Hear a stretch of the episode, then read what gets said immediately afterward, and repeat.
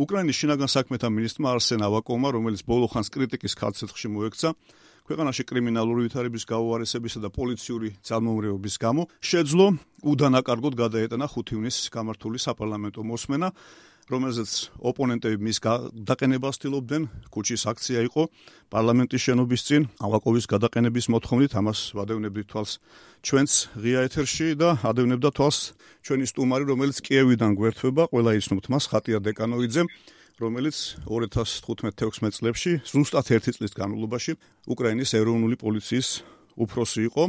და არა თუ მარტო იმყოფება, არამედ, ну, დაახლოებით ალბათ ერთი კვირა შეიძლება მეტი, რომ ხატი არის უკრაინული მედიის ყურადღების ცენტრში და არ ვიცი შეიძლება მეშლება, მაგრამ იშვიათია, თუნდაც უკრაინელი პოლიტიკოსიც კი, რომელიც ისე კაცრად სასტიკად აკრიტიკებდეს უკრაინის შინაგან საქმეთა მინისტრს, არა მარტო ალბათ ფლიან პოლიტიკურ ელიტას, პოლიციის რეფორმების წარუმატებლობაში და საერთოდ იმაში, რომ პოლიცია იმყოფება ჭაობში და გამოსავალი არის თლიანად შინაგან საქმეთა სამინისტროს ხელმძღვანელობის შეცვლა და შინაგან საქმეთა სამინისტროსადმი როგორც ინსტიტუციისადმი არსებული პოლიტიკის რადიკალური შეცვლა.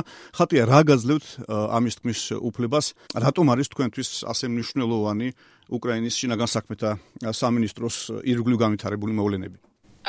პირველ რიგში აუცილებლად მინდა ხაზი გაუსვა იმას, რომ რეალურად 2016 წელს, როდესაც ჩვენ დავიწყეთ ორი დიდი ტალღა პოლიციის რეფორმის, ეს იყო საპატრულო პოლიციის რეფორმა უკრაინაში, რომელიც აღიარებულია მსოფლიოში, აღიარებული იყო და ძველი მილიციონერების რეატესტაცია, რესერტიფიცირება ახალ პოლიციაში, რომელიც იყო არაერთგვაროვანი და ძალიან რთული პროცესი და მოითხოვა ძალიან დიდი ენერგია და მათ შორის დიდი ბრძოლა რევანშისტური სისტემის წინააღმდეგ.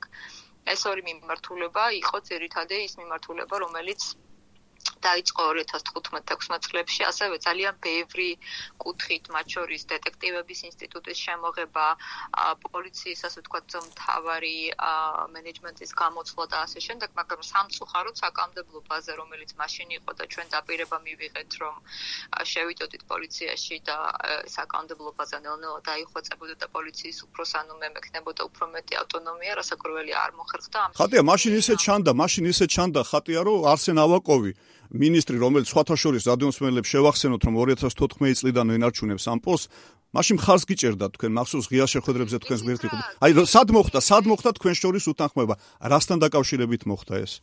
მე ვფიქრობ, რომ ძირითადი უთანხმოება ეს არ იყო მხოლოდ და მხოლოდ ავაკობთან, ეს იყო სოფხედველობრივი განსხვავება მაშინდელ პოლიტიკურ ელიტასთან, მათ შორის პრეზიდენტთანაც, როდესაც რამოდენიმე თვის შემდეგ ნათლად გამოჩნდა, რომ საპატრულო პოლიციის რეფორმა სჭირდებოდათ მხოლოდ ასე ვთქვათ, ფასადური რეფორმისთვის, რომ აი რაღაც ლამ ახალგაზრდა ადამიანები, რომლებიც დიდი мотиваციით მოვიდნენ პოლიციაში სამუშაოდ მაიდნის შემდეგ ამ ახალგაზრდა ადამიანებს ამოფარებული ამოფარებულიყო ის სისტემა რომელიც არის სამწუხარო დღემდე ძალიან კორუმპირებული.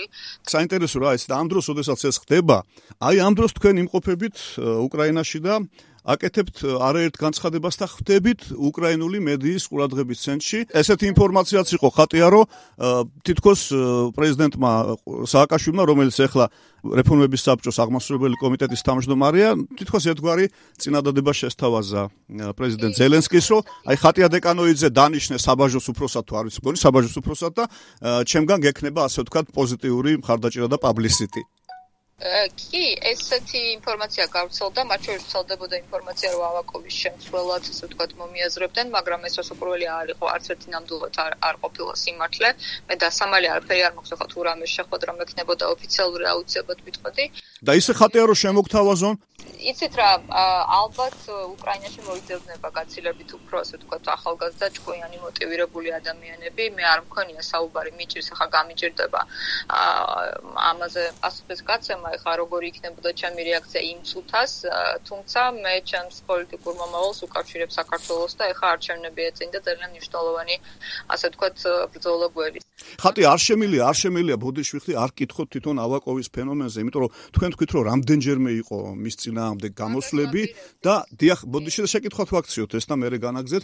აი, როგორ ახერხებს ეს კაცი არსენ ავაკოვი, რა ისეთი ჯადო აქვს თუ რა ისეთი მაგია აქვს? მას რომ შეინარჩუნოს პოსტი განსხვავებული პრეზიდენტის დროს და ზელენსკიც ამბობდეს რომ ეს არის კარგი მინისტრი და როგორც ჩანს დღესაც აი ნუ უნდა ვიგავიმეოროთ ეს რომ მოიგერია ყოველ შემთხვევაში საპარლამენტო იერიშები. გამოვიდა მშრალად. აი როგორ ახერხებს ავაკოვი? რა არის მისი ძალა როგორ ფიქრობთ თქვენ ვერ ვიტყოდი რომ შრალად გამოვიდა, იმიტომ რომ ძალიან დიდი ნეგატივია მათ შორის საინფორმაციო საშუალებებში და უკრაინელებში.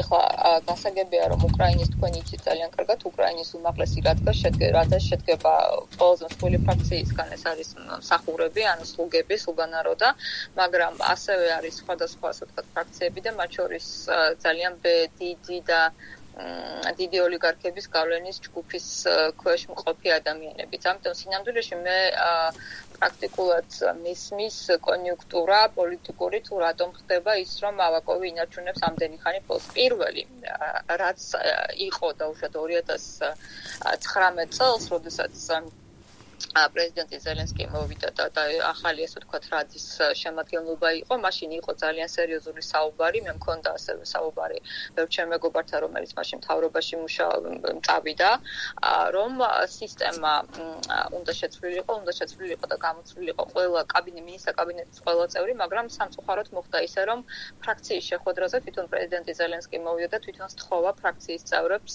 ყველა დეპუტატს, რომ ხმა მიეცათ არსენ ავაკოვისთვის, იმიტომ რომ იქ განსაკუთრებით საკუთრებით წინააღმდეგობა იყო ძალიან ბევრ ადამიანში. აი ხატია ბოდიში, აი აქ ჩაგერთვები, უბრალოდ ერთი ინფორმაცია უცებ წავიკითხე ხა და რადიოსმენელებს უთხრათ. აი იმ მოთხოვნაზე ავაკოვის გადაყენების, რომელიც დარეგისტრირდა ვერხოვნა რადაში 36 დეპუტატი სწორედ უმრავლესობიდან, ანუ ზელენსკის ფრაქციიდან აწერს ხელს. ანუ თქვენ ფიქრობთ, რომ პრინციპში გენერირება აი ამ უკმაყოფილების ავაკოვით დაიწყო და ის გაგრძელდება? იცით რა ხო აი ზუსტად მაგამდე მივდიოდი. ამიტომ სინამდვილეში მე გეხმარებით ამაში ხატი არა ჩვენ უფრო ინტერაქტიულად ვისაუბრებთ დიახ გაღიზიანება გამოიწვია ზუსტად უკრაინული საზოგადოების მისმა დანიშნამ. იგი არის საკმაოდ ლევამოსილი ადამიანი და ლევამოსილი ministri მის ქვეშ არის პოლიცია ეროვნული გვარდია რომლის გადაცემა ცხოვრების პრეზიდენტმა ზელენსკიმ მოინდომა შეარაღებულ ძალებზე მაგრამ სამწუხაროდ ამ კანონ ამ კანონ პროექტის ლობირება მან ვერ მოახერხა. რამდენადაც ჩვენთვის გასაკვირი არ უნდა იყოს. ასე ვთქვათ საზღვრის წვანე ზოლი, ანუ საზღვარი, საემიგრაციო, ანუ ძალიან დიდი მონსტრია პრაქტიკულად შინაგან საქმეთა სამინისტრო და პოლიციის უფროსიც ეხლანდელიც არის ადამიანი, რომელიც არაფრით არ გამოირჩევა, არ გასაბამისად, მაშინაც ეს უკმაყოფილება იყო, თუმცა მე ვფიქრობ, რომ პრეზიდენტ ზელენსკის გადაწყვეტილება ძირითადად დამოკიდებული იყო რაღაც ალბათ უფრო მადლიერების გრძნობით, რომელიც გამოიხატებოდა პრეზიდენტ პოროშენკოს წინააღმდეგ, ანუ ავაკოვის ბალანსით, მათ შორის არჩევნებზე, მან ითამაშა გარკვეულ ხატია დრო ულმობელად გარბის ბოლოს ყოველას ახსოვს ეხლა როგორც კი ავაკოვზე ჩამოვარდება ლაპარაკი ის ცნობილი კადრები როდესაც პრეზიდენტ პოროშენკოს თანადასწრებით ერთმანეთს სიტყვიერი შეურაცხყოფა მიაყენეს ავაკოვმა და მიხეილ სააკაშვილმა. მიხეილ სააკაშვილი ეხლა ასევე მთავრობის წარმომადგენელია უკრაინაში მთავრობისა რომლის ხერხემლადაც ზოგიერთი ავაკოვს მიიჩნევს.